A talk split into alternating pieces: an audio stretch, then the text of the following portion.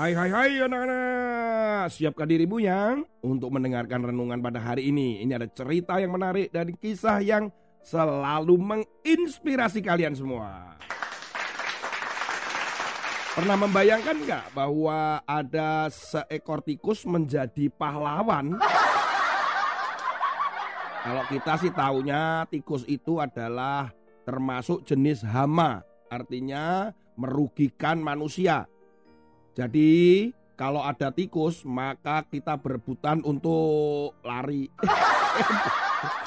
untuk segera membunuh atau membinasakannya karena bisa makan makanan yang kita sedang simpan atau kalau para petani pun bisa sedih karena tanaman padinya bisa dimakan tikus dan gagal panen. Kasihan ya.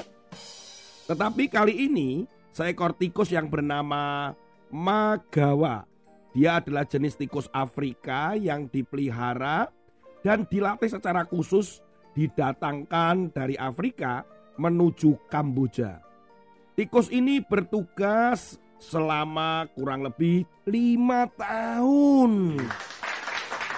Apa ya tugasnya tikus itu? Kan tikus kan tugasnya makan ya Kak Tony.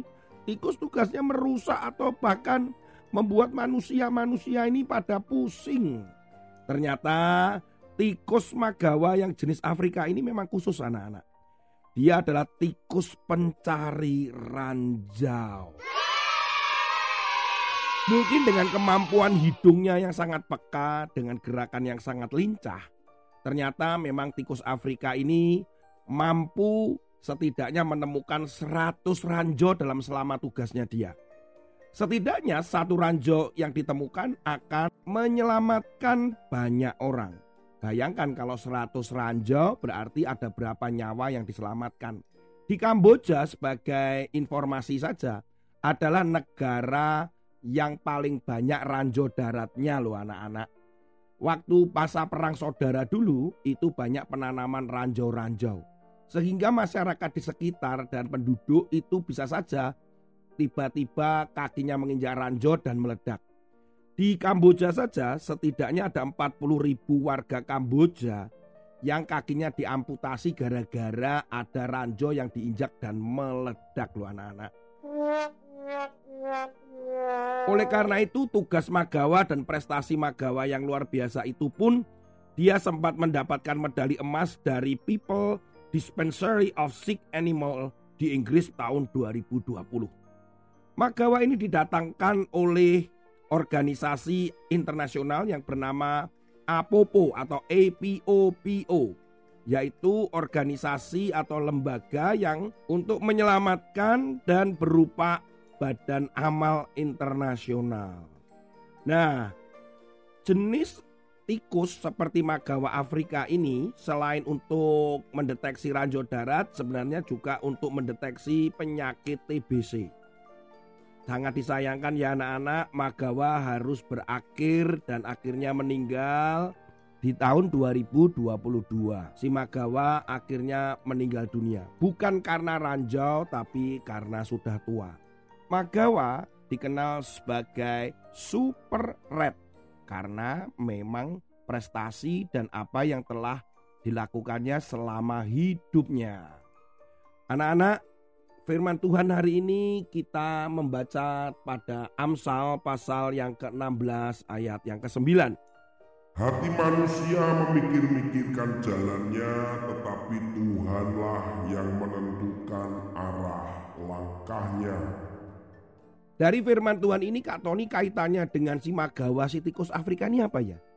Duh, tikus ini anak-anak, dia itu mungkin dia mencari dia hanya mengendus-mengendus bayangkan dari 100 ranjau yang ditemukan itu kok dia tidak menginjak ranjau dan meledak. Pasti ada sesuatu. Nah, sama seperti manusia. Ketika dia melangkah memikirkan ini dan itu, ternyata Tuhan itu ikut campur tangan dalam kehidupan setiap manusia yang takut akan Tuhan. Ketika kita bangun pagi, asal kita harus berdoa, asalkan kita harus mempercayakan hidup kita kepada Tuhan, sehingga Tuhan bisa menentukan langkah-langkah kita. Luka Tony, jadi kan kita seperti robot ya nggak bisa ngapa-ngapain. Oh tidak.